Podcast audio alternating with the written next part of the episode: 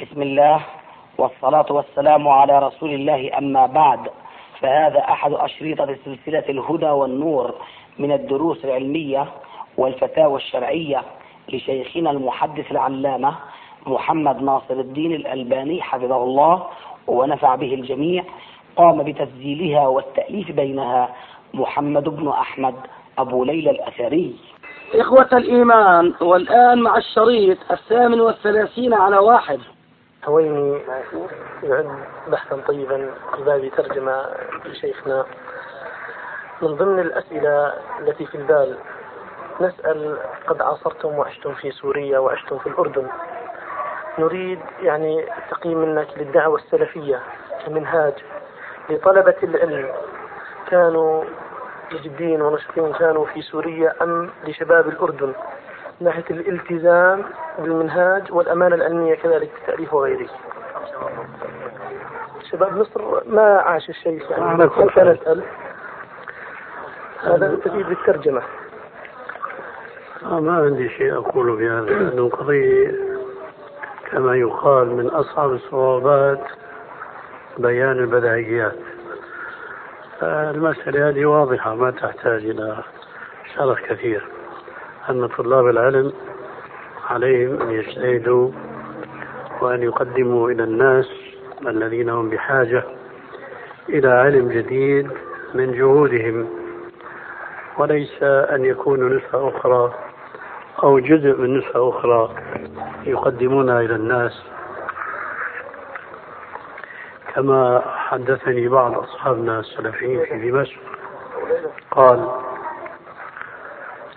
قيل لأحدهم من الأذكياء السلفيين في دمشق الشيخ فلان يحفظ صحيح البخاري عن ظهر غيب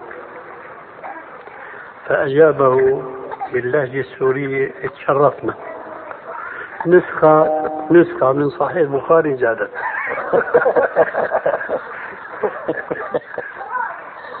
واضح هذا الكلام؟ آه. فشو الفائدة إذا واحد إجا أخذ كتاب شوي من هون وشوي من هون وشوي من ذاك كتاب فلاني وقدمه للناس فهو لم يأتي بشيء جديد. فنحن نريد من إخواننا أن يسلكوا سبل علمائنا المتقدمين الذين كانوا يتبعون من قبلهم ولكن بالإضافة إلى ذلك يضمون علما جديدا إلى ما ورثوه من علوم المتقدمين. وأنا أعتقد أنه الآن أمس في الأمس القريب كنت أتحدث وقد سألني سائل هل تستبشر خيرا في العصر الحاضر من الناحية الإسلامية؟ وأنه في تقدم. قلت نعم. في تقدم من الناحية العلمية لكن هذا التقدم العلمي إذا لم يقترن مع التقدم السلوكي فشره أكثر من خيره. ولذلك فأنا أدندن في كثير من الأحيان حول محاضرة كنت ألقيتها نحو عشر سنين من الزمان. هنا في عمان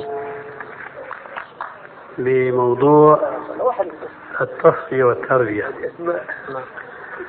التصفية تتعلق بالعلم. التربية تتعلق بالسلوك. فالآن العلم وتحرك العلم بالسنة واضح في العالم الإسلامي كله. وهذا يبشر بخير لكن السلوك ما تحرك أبدا. كجماعة كأمة إلا كأفراد قليلين. وهؤلاء الأفراد موجودون في كل زمان في كل مكان لكن كقلة. آه. ولذلك إذا لم يقترن مع تصفية العلم تصفية النفوس من أذرانها وأوساخها في سلوكها فلا يكون ما يسمى اليوم بالصحوة الإسلامية صحوة حقيقية. نعم هذا ما لدي الآن طب لو سمحت يا شيخنا آه، كنت آه، بصدد عمل ترجمة للشيخ أحمد شاكر. رحمه الله من آه، أقوال المعاصرين أو نحو ذلك فبقي رأيكم وكم مرة التقيتم بالشيخ وهل تتلمذتم على الشيخ فعلا ولا هو مجرد لقاءات؟ لا ما أتيح لي التتلمذ عليه وإنما لقيته في أول ما لقيته في مكة في أول حجة حججتها. وذلك يمكن كان عمري في حدود الخمس وثلاثين. ف وهذه الحجة كانت يعني ليست بجهدي لأني كنت ناشئا في العلم وفي المهنة التي هي تصحيح الساعات فما كان باستطاعتي يومئذ أن حج لكن قدر الله عز وجل لي وسيلة أنني آه، اخترت اختارني بعضهم مرشدا للفوج السعودي الفلسطيني الذي خرج بعد القتال بين العرب واليهود مع الأسف. بالنتيجة المعروفة وعادت الجيوش العربية إلى عواصمها ومنها الجيش الفلسطيني السعودي وهو كان يعني ملفقا من ناس من كثير من البلاد العربية وبعضهم أصلهم سعوديين. فلما قرر رأي الملك السعودي يومئذ بأن يعود هؤلاء كان عليهم قائد اسمه فهد المارق والظاهر أن الاسم ما راق له فيما بعد فجعله المارك بالكاف. المهم وفهمت منه يومئذ بأنه كان طالب علم في دار التوحيد في الطائف. فهو كان قائد هذا الفوج. فعنده كما يقال اليوم خلفيه تدين وعلم. فسأل عن شخص يستصحبه معه كمرشد لهذا الفوج السعودي العائد إلى الرياض. فقيل له ما لك غير فلان وفلان؟ الأول هو الشيخ باجر بيطار رحمه الله والآخر هو أنا. الشيخ باجر طبعا يومئذ كان مسنا فاعتذر فلما جاء إلي وعرض علي الذهاب مع الفوج وهذا يكون طبعا من عاقبة أمره أن أمكن من الحج وزيارة المسجد النبوي. وأنا شخص اعتدت أن أقول لإخواننا إذا ما دعاني داع أقول له ترى أنا ما بالأمزح. إذا بتدعيني عن جد أنا أوام بستجيب. هي عبارة يعني سورية أنا ما بالأمزح لأنه في عادة هناك بكل واحد عم يشتغل أي شغل بمر المار صديقه بيقول له تفضل. طبعا يقال مثلا عندما آه، يلتقيان مثلا قريب من دار رجل بيقول له تفضل. بيقول له ترى أنا ما بلا مزح ها؟ تقول عن جد يعني. فأنا تائب طبعا للحج ولا أستطيع فلما عرض علي هذا قلت ما عندي مانع لكن سأستشير والدي. ووالدي رجل متدين وعالم بالفقه الحنفي وبما يسمى بعلوم الآلة لكن أنا نشزت وشردت عنه حينما سلكت مذهب أهل الحديث. فأخذت رأيه على كل حال وأنا كنت يومئذ أعمل في دكاني الخاص بي. قال لي ما في مانع أنت تعرف مصلحتك. المهم سافرت. وكان من الدوافع على هذا السفر لأنه السفر يعني ما بيطمع السفر. ليه؟ لأنه الركوب على سيارات الجيش الضخمة اللي هي الأثقال والأحمال. لكن الشوق أولا للحج إلى بيت الله الحرام وثانيا للقاء أهل العلم هناك. لأنه كنت أقرأ في مجلة المنار وكان عندي علم بالشيخ أحمد وعندي علم بحامد الفقي وبعض شخصيات يعني سلفية فقلت ما راح أستطيع القاهم إلا في المسجد الحرام. فكان أول من سألت عنه هو حامد الفقي رحمه الله. كان فيما يبدو سليط اللسان. كان نزل في فندق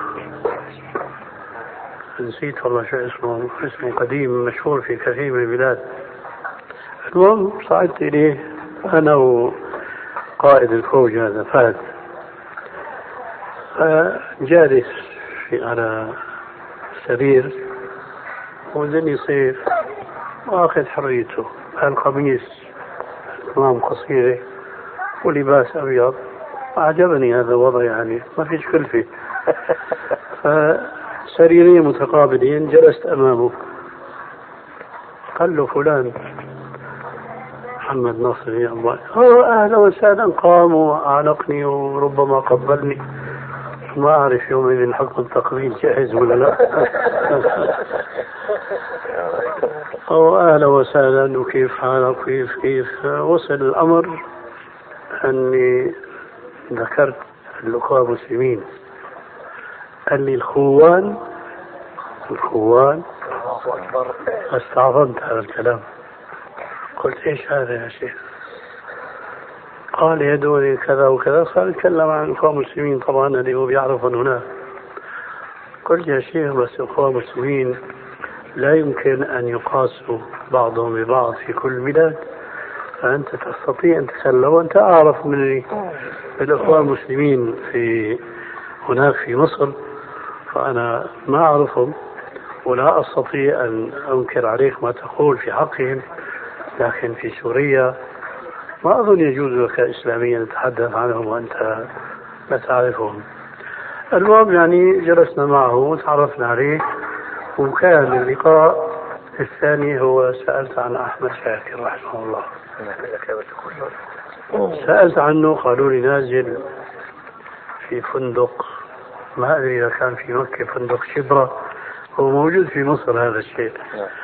المهم ذهبت لي جالس كان في مدخل الفندق سلمت عليه وعرفته بنفسي.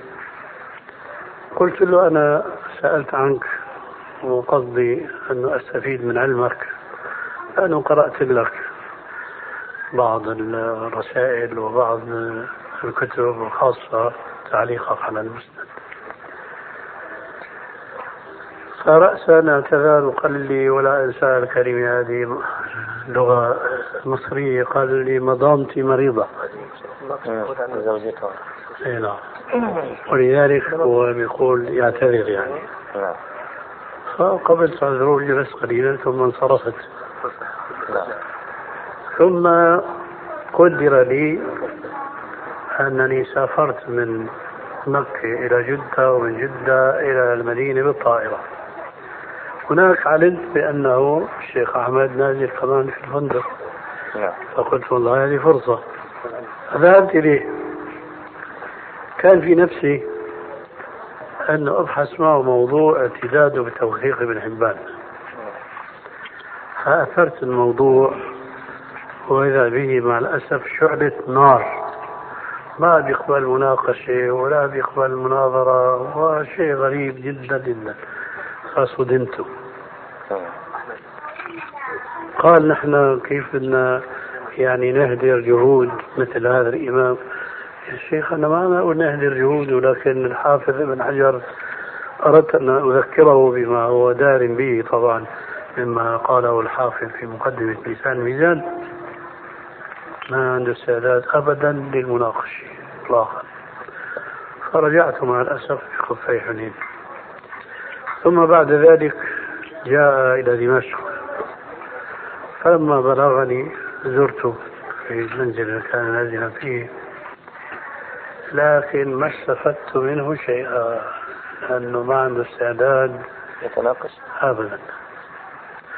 هذا كل ما يمكن أن أذكره عن الرجل رحمه الله.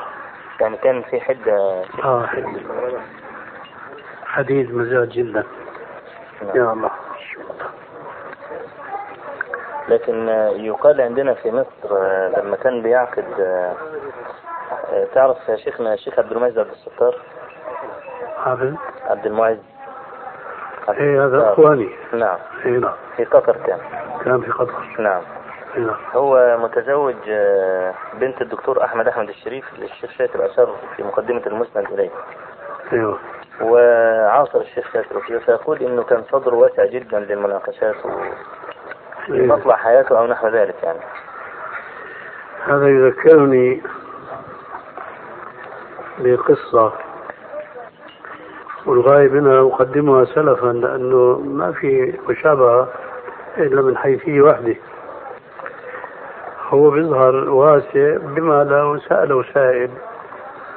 وبيجاوب لكن إذا كان السائل في عنده شيء من المعرفة بده ياخذ يعطي معه فهذا شيء آخر غير.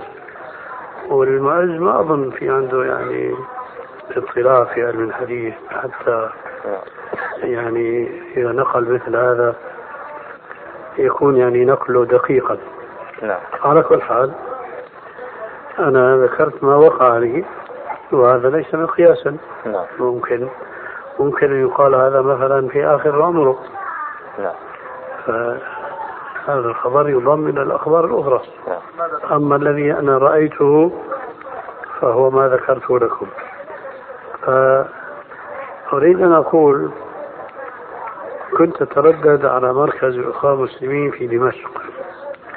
لما قال لي أحدهم واسمه حسن عبيد. كان له صلة قوية بنا وتبنى الدعوة السلفية دعوة. لكن هو منخرط في الأخوة المسلمين. فذكر لي يوما شابا قاديانيا اسمه علاء الدين. وذكره لي يعني شو بدي يقول؟ مادحا له لأنه واسع الصدر جدا. وأنا شاهد. فشو رأيك تجتمع فيه؟ هو يعلم مني أنه أنا ناقشت القدانيين وعقدنا جلسات متتابعة هناك فبطبيعة الحال أنا رجل ما بالأمزح بستجيب استجبت دعوته. فراح اتصل مع الرجل وافق فالتقينا في مركز الأخوان المسلمين. في غرفة خاصة. وإذا بصاحبنا حسن يرى منه خلاف ما حدثني به. وطالت المناقشة وحديد وصوته يرتفع وإلى آخره. لما خرجنا قال لي والله عجيب. أنا ما بعرفه هيك لهذا علاء بعرفه طويل البال. قلت له يا أخي بدك تلاحظ ملاحظة. هذا أولا قادياني داعية. هدوني بيطولوا بالهم مع عامة الناس. لأنه ما في غير بينسألوا سؤال بيلقي محاضرة. ليش حتى يثور؟ لكن لما تحطه تحت المحك. تأخذ وتعطي هنا بقى ترتفع إيش؟ الحرارة. قال والله صحيح. وجه المشابهة فقط يعني بين تفريق إنه تسأل المجال يتكلم. يتكلم أما تاخذ وتعطي خاصة فيما تخالفه فيه في رأيه هذا لا يثبت أمامه إلا نوادر من الرجال حقيقة نعم طب منزلة الشيخ أحمد شاكر بين علماء الحديث. معلش يا شيخنا إحنا هذه فرصة العمر بارك الله. فنحن يعني لن نسامحها منزلة الشيخ أحمد شاكر رحمة الله بين ال- العلماء ال- المعاصرين له. أنا ما التقيت بمثيل له. الشيخ أحمد شاكر؟ أي نعم. أنا ما التقيت بمثيل له وآني ما أقول. لأنه عدم الوجدان لا يدل على عدم الوجود. نعم. فممكن يكون كما يقال في الزوايا خبايا. أي نعم. لكن أنا ما اكتشفت هذه الزوايا حتى أعرف ما فيها من الخبايا. لكن في حدود ما علمت اطلعت فأنا ما شفت الشيخ أحمد. طبعا هذا من آثاره. نعم. من آثاره. نعم. أما من اللقاء بكل صراحة ما ما صار شيء بيني وبينه إلا المباحث القصيرة. لكن أنت يا شيخنا بالنسبة للشيخ أحمد الصديق الغماري الغماري ذكرت لنا أيضا في أول جلسة معك إن هذا الرجل لم تلتقي بمثاله. فيعني آه، هو الشيخ أحمد شاكر في ما يتعلق بالصناعة الحديثية شوف هلا يختلف الأمر. هذاك كان في مجال أني استكشف كنها طويته. الغماري؟ آه الغماري لأنه سألته أنا أسئلة وأجابني. نعم. الشيخ أغلب. انسق الباب بيني وبينه. شلون؟ لكن الشيخ أحمد في جهده خاصة في المسند وعلمه هناك يفوق الغماريين جميعا لأن الغماريين شو لهم جهود؟ لهم آثار رسائل فقط ثم يبدو فيها التصوف والتعصب للمالكي للمالكية وبالمناسبة اليوم بقرأ على هذا عبد الله الغماري رسالة يحكي بالمناسبة أنه في مسألة لحوم الخيل قولان الحل والتحريم. قال وهو الأقوى. اللي هو التحريم؟ تحريم لحم الخيل. الأقوى. حاولت استحضر في ذهني شو الدليل اللي بده يكون هو جعله يميل إلى ترجيح هذا القول مع كونه في صحيح البخاري وغيره؟ من حديث آه، هم إيش؟ آه، من حديث أسماء بنت أبي بكر أنهم أكلوا لحم الخيل في عهد النبي صلى الله عليه وسلم أي نعم واذن بأكلهم لحم. الخيل نعم فسبحان الله قلت هذا أتي من المذهب المالكي مم. أي نعم فالقصد فالآثار من حيث التأليف لا تظهر في كتب الغماريين جميعا كما تظهر في كتب آه، أحمد شاكر رحمه الله. ثم فقهه أيضا يختلف عن فقه هؤلاء. فقه الغماريين ما هو فقه سلفي أبدا. فقه آه، هوائي. نعم. ليس له ضوابط وقواعد. آه، انظر مثلا تشنيف الآذان في استحباب السيادة في الصلاة والإقامة والأذان. الله أكبر. 14 قرن المسلمون كلهم على السنة. هل اللي هجروا كل هالتوارث؟ بل التواتر باستنباط عقلي أهوج أعوج. أنه أنا سيد ولد آدم. شو المانع أن نقول؟ وأشهد أن محمدا عفوا أن سيدنا محمد رسول الله. شو المانع؟ ما دام هو كذلك. الإقناع في صحة صلاة وراء إيش؟ المذياع. بكرة بيربطوا صلاتنا بإمام مكة ببيع هناك. و- ويسكروا المساجد بقى كلها. ها؟ ما كونت عندي رأي. ثم أنا عرفت أنه هذه الأجزاء مش قائم عليها شخص واحد. عديد من الذين يعلقون. الغماري عمل جزء واحد فقط. إيه ما عندي فكرة يعني عنه الحقيقة. لكن الذين وقفت على تعليقاتهم يعني سطحية جدا يعني ليس فيها علم. نعم. أما تعليقات الغماري ما عندي فكرة عنها. في أي جزء تذكر؟ سابع؟ سنة السابع؟ سابع نعم. السابع أظن. لأنه السابع في حديث الجارية آه، يؤول يقول بعض الرواة غلط. في الجزء السابع أظن صفحة 135 أو كذا. السابع يقول إيش؟ يقول إن ال- الجارية ما كانت تقصد أن تقول أن الله في السماء يعني أول تأويل كوثري بالنسبة لحديث الجنة آه هو كوثري. أشعري خبيث. نعم. طيب يا شيخنا طب يعني هنا نقطة أحب أن أنا أستجليها هذا تفيدنا جميعا. نعم. بالنسبة لصدور الشيخ أحمد شاكر عن التباحث معكم هل هذا لم يورث عندكم آه، صدودا منه أو من كتاباته أو, أو حملة عليه أبدا. أبدا والحمد لله. لكن أنا قلت يعني لعل الرجل كان يعني على وضع عائلي كما ذكر لي في أول مرة لما لقيته أنه زوجته مريضة. فممكن هذا المرض استمر حتى لقيته المرة الثانية. لكن ما أجد في نفسي أبدا آلاء وصلاة كيف حاله. أي نعم. ما أجد في نفسي أي شيء إلا احترام وتعظيم له. نعم. أي نعم.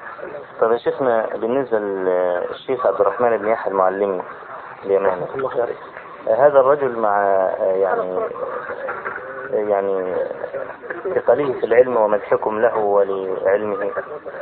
يكاد يكون غير معروف بالنسبة للأجيال أمثالنا.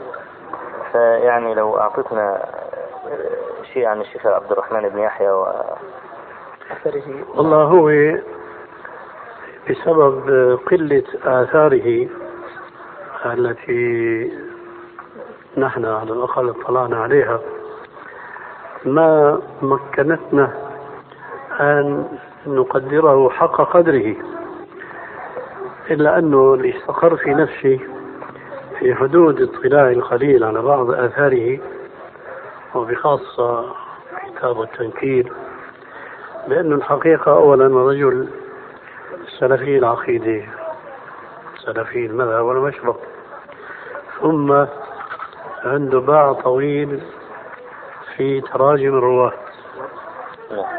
وليس فقط الرواة الذين آه، يتعلق بهم الحديث بل فهو واسع الاطلاع على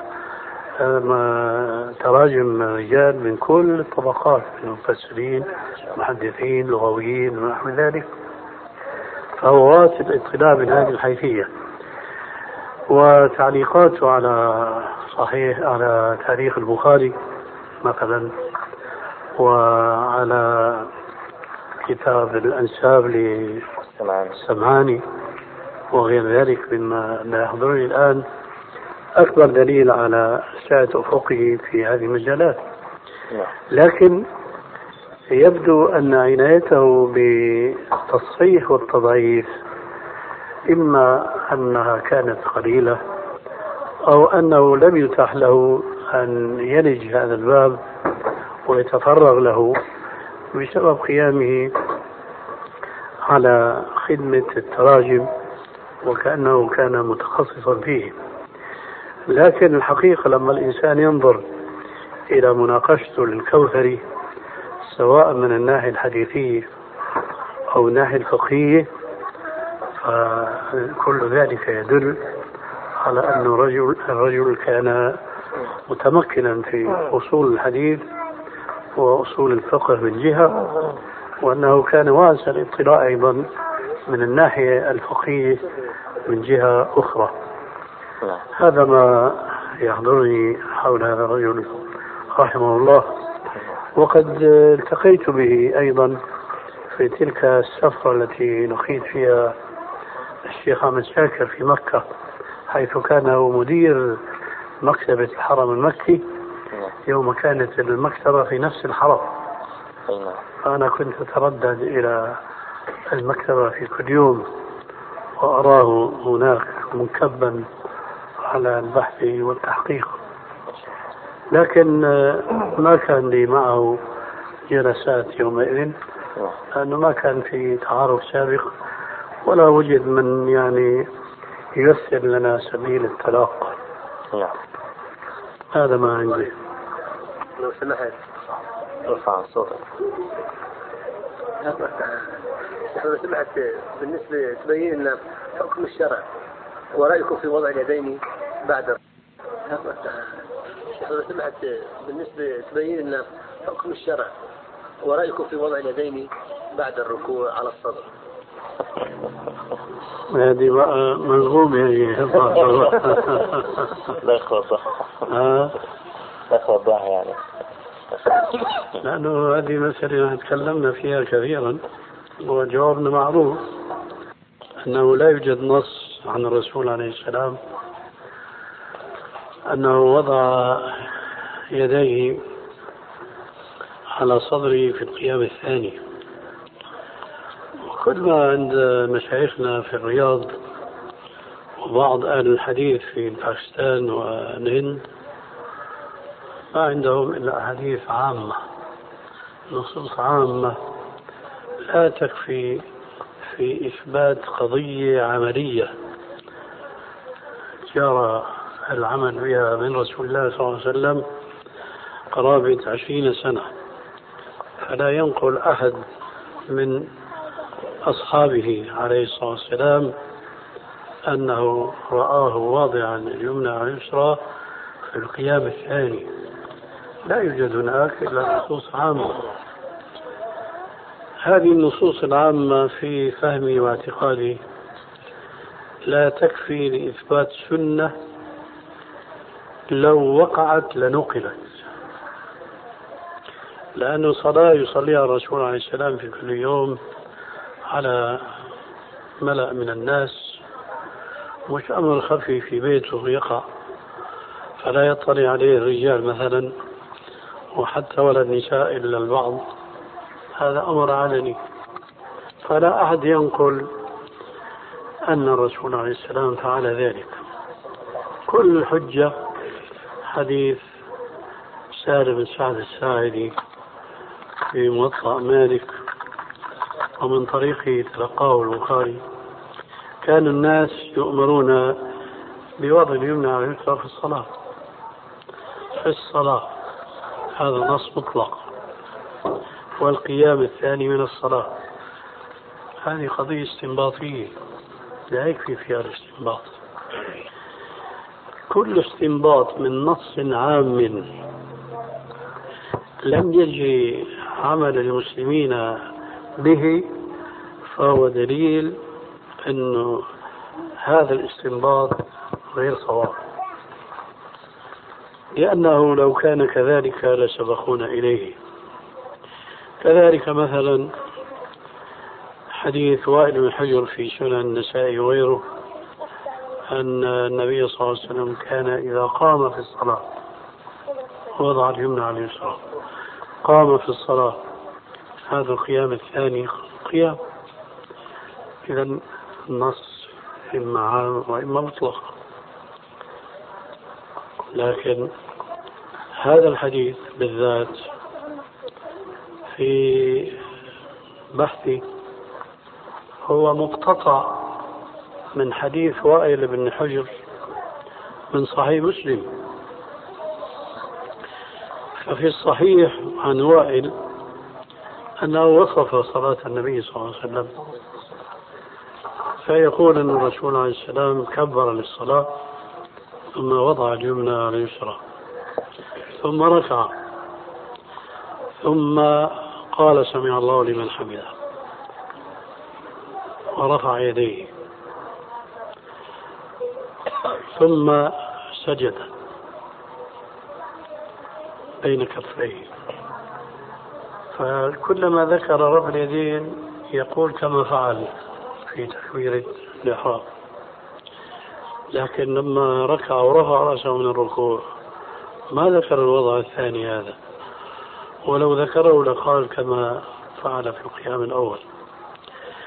ويبدو والله أعلم أن الحديث الذي في السنن هو قطعة من هذا الحديث لما فصل عن السياق والسباق أعطى ذلك المعنى الشامل نعم. للقيام الثاني وشيء آخر يرد في الموضوع إذا أردنا أن نعمل هذا العموم ونأخذ منه هذا الحكم الذي لم ينقله أحد. فمعنى ذلك أنه يأتي مكان ثالث ينبغي على ذاك الفهم أن نضع اليمنى على اليسرى وهو بين السجدتين. ومن عجائب ما يقع من البعد عن التحقيق العلمي أنهم يدعون الآن منهجهم في الاستدلال بالنص العام ويلجؤون إلى نفس الطريق الذي أنا ألجأ إليه في قولي أنه ما في عندنا نص أن الرسول وضع سوى هذا الإطلاق. هذا إطلاق يشمل الوضع بين السجدتين لا السجدتين مثل التساهل. طيب هذا قياس. نحن الآن نسألكم. هل عندكم نص أن الرسول عليه السلام لما جلس بين السجدتين وضع يديه على فخذيه؟ علمي أنا وقد تخصصت في صفة صلاة النبي صلى الله عليه وسلم لم أجد حديثا في هذا. ولذلك لم أذكره في صفة الصلاة لأني ما تعمدت أن أذكر فيه استنباطا ولو كان صوابا إنما هو النقل للحديث فليس للذين يحتجون بهذا العموم إلا أن المسلمين هكذا يفعلون؟ وهذا هو نفس الجواب. المسلمون مضى عليهم هذه القرون لا إمام من أئمة المسلمين ولا صحابي ولا يقول بسنية هذا الوضع. فإذا أنا ألفت النظر بكلام يذكره ابن تيمية والشاطبي رحمه الله بأنه العمل بالنص العام في جزئية من جزئياته التي لم يجري العمل على هذا الجزء هو سبيل للابتداع في الدين. لأنه ما من بدعة. وهذا كلام يتجلى تماما في كتب الغمار هذا. فإنه كل شيء بدعة بيقول لك ما في نهي عنها. ما في نهي عنها. وداخله في النصوص العامة.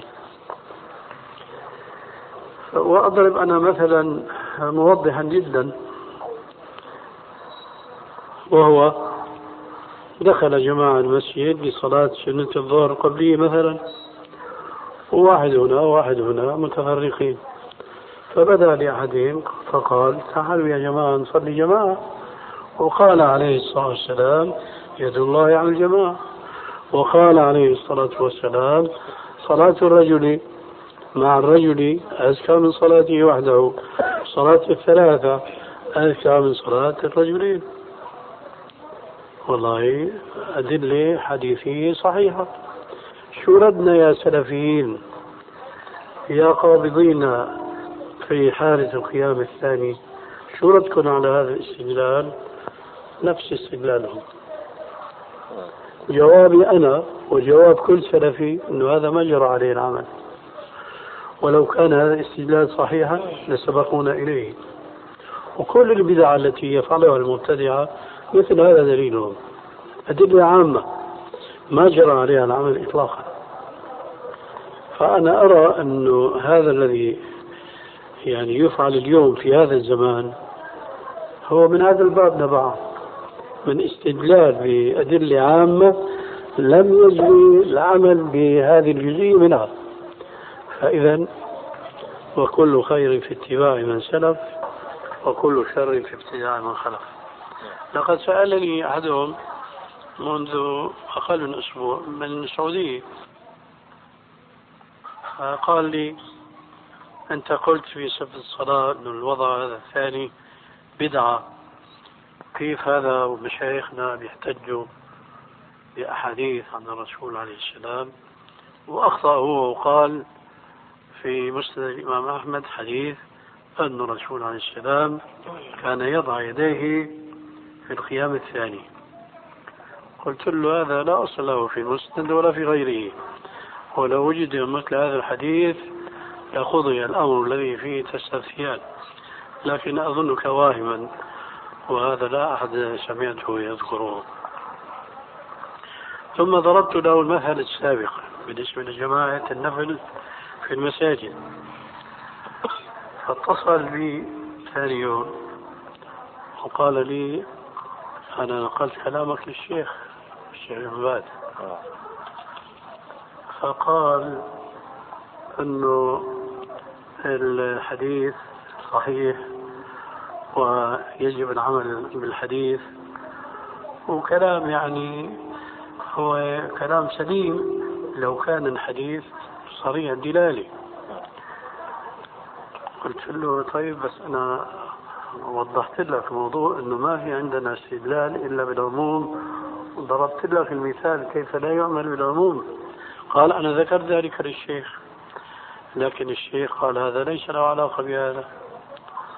قلت له يا أخي ليس له علاقة من كل الجوانب لكن وتلك الأمثال نضربها للناس فأنا ضربت لك مثلا أنه لماذا نحن لا نصلي النوافل جماعة لأنه ما نقل إلينا.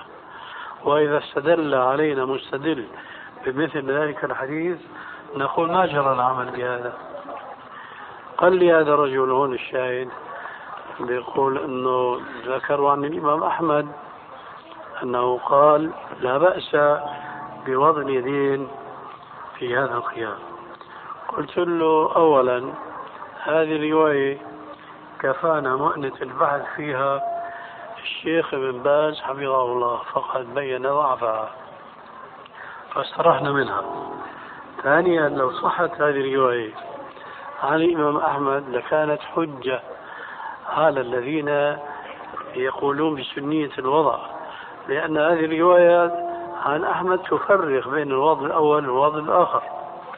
فلو كان هو يرى السنية ما بيقول لا بأس بذلك. فهو يشير بهذا أن المسألة مغمغمة فيها شيء يعني. ولا كان بيقول سنة مثل ما قال في الوضع الأول أنه سنة. هذا مما يحضرني الآن حول هذه القضية. وإياكم. خلينا نصلي يا أبو عبد الله. كتاب مجموع نعم. ما التقيت به؟ ما التقيت به طب قرأت تكملته؟ قرأت منها. ما رأيك؟ ما هو نقاد يعني؟ هو على نمط. أبو البنا عبد الرحمن. يعني هو نقال. ما هو بحاث ومحقق هذا من جهة وبعدين كأنه مذهبي. آه شافعي. آه شافعي. يعني ما تأثر بالحديث. فهو يعمل بالحديث كعلم مثل يدرس الحقوق. كعلم. أما هو يمكن لا يعمل. وهكذا كان أكثر المشتغلين بعلم الحديث طوال القرون آه، كانوا أولا غير محققين يرون ما هب ودب ثم لا يتأثرون بما علموا من الحديث. فترى هذا حنفي وذاك الشافعي وآخر مالكي ورابع حنبلي نعم. ونفس المشكلة لا تزال قائمة حتى اليوم بالنسبة لبعض المشتغلين بعلم الحديث. كهؤلاء الغماريين مثلا. نعم. وهذا الذي تسأل عنه فهو مثلهم. لا يحكم الحديث فيما اختلف فيه الناس على أنه ليس محققا فيه. نعم. أظن كان جاءتني منه بعض الرسائل لكن أنا كعادتي ما عندي استعداد أن أرد على الرسائل. هو أرسل لك شيخنا. شيخ المطيع. إي نعم. طب صح الرسائل يعني. هذا قديم. هذا قديم وظاهر كما يقولون عندنا في الشام. قبل ما تطلع ريحتي. نعم. فقد تكون رائحة طيبة وقد تكون غير طيبة على اختلاف الأذواق. نعم. وهذا بيذكرني أنه في عندي رسالة نزول عيسى عليه السلام في آخر الزمان من الغمار هذا عبد الله. قائمة البرهان. إيه. نعم. عليها خط هدية إلى الأستاذ ما أدري إذا أضاف إليها محمد ناصر الدين الآن قلب لنا ظهر المجن ليش؟ طلعت ريحتي عنده إنه سلفي نعم. فهو شاف كتبي القديمة مثل السلسلة وغيرها. فتوهم في فأرسل إلي هذا الكتاب هدية. نعم. ثم لم يعد بطبيعة الحال لأنه شم الرائحة أنه مجسم ووهابي وقايل في هذا اللي سماه الرد المقنع أنه هذا ليس فقط وهابيا بل هو شر منه هو كذا وكذا إلى آخره. نعم. فسبحان الله يعني علم الحديث آه، بركته في تقويم خلق المحدث أولا ثم فكره ومذهبه ثانيا. فإذا رأيت حديثيا لم يتحسن خلقه ولم يستقم فكره فافهم أن حديثه أو دراسته للحديث هي لأمر دنيوي. ما هو هذا الأمر الدنيوي؟ حدث عن أنواعه وأسبابه ولا حرج. قد يكون مثلا للمال قد يكون للظهور. ومن أقوال الصوفية حب الظهور يقطع الظهور. فهؤلاء مثلا في المغرب طرقيين لهم زاوية. مع ذلك يشتغلوا بالحديث. كيف هذا؟ ما استفادوا من الحديث شيئا إطلاقا مع الأسف. لا في الخلق ولا في الفكر. نعم.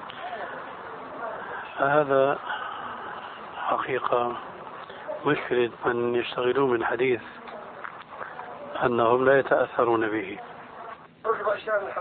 طب آه، كنت ونحن على الطعام سألتك عن الأخ محمد عمرو. يعني أنا فقط أريد أن أسجل هذه لأنها تسعده. رأيكم في القصاص ما ماني مستحضر الآن. أنا اللي مستحضر أعطيتك آنفا وسجل وسجلته أيضا. لو أما إذا كان بدي فصل بدي أرجع للرسالة من جديد. نعم. لأني عادي بها. أصبح نسيا منسيا لكن مجمل ما تتذكره من رسالة القصاص إيه؟ أعتقد أنه باحث جيد.